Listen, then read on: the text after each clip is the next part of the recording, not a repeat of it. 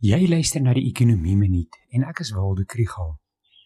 Die Reserwebank se Monetêre Beleidskomitee het gister en vandag vir die eerste keer in 2021 vergader. Hulle groot besluit is oor die repo koers en ekonome verwag dat dit onveranderd gehou gaan word. Ons sal vanmiddag meer weet oor hoe hulle redeneer, maar vir die oomblik kan ons dink oor alles wat hulle moontlik oorweeg. Die repo koers is die Reserwebank se belangrikste instrument om inflasie mee te bestuur. Maar dit werk met 'n lang sloering. As die repo koers vandag verlaag word, gaan dit nie dadelik tot hoër inflasie lei nie. Die meganisme werk so dat sommige verbruikers gaan oor 'n lang tyd meer bestee. Eindelik gaan die produksiefaktore wat gebruik word om die goed wat hulle koop te maak, begin skaars raak en dan gaan koste styg en eindelik styg pryse. Dit klink na 'n argument om die koers juis nou te verlaag.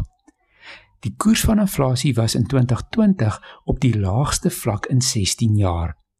Daarby is verbruikervertroue laag en die herstel van die ekonomie in die 4de kwartaal was maar flou. Bietjie laer rentekoerse gaan nie nou lei tot weggolbesteding wat druk op pryse gaan plaas nie maar dit kan dalk hier en daar vir huishoudings verligting bied.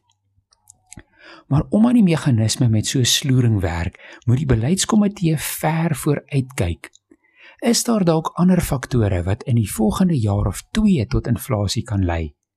Byvoorbeeld as die wêreldekonomie weer begin groei en daar is 'n sterk vraag na ons kommoditeite en die oliepryse hou aan styg, kan dit lei tot inflasie. Hulle dink dalk ook oor volgende rondes van hoë looneise wat arbeidskoste kan verhoog.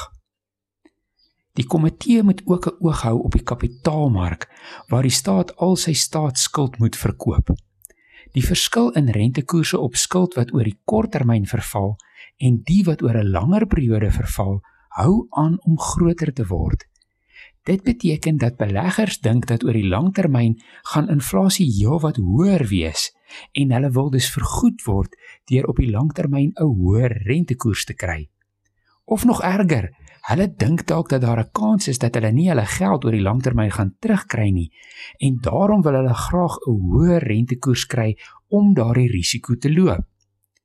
Hoe ook al, die Reserwebank sal graag vir hierdie beleggers 'n sein wil stuur dat monetêre beleid in goeie hande is en dit beteken dat hulle die repo eerder onveranderd sal los.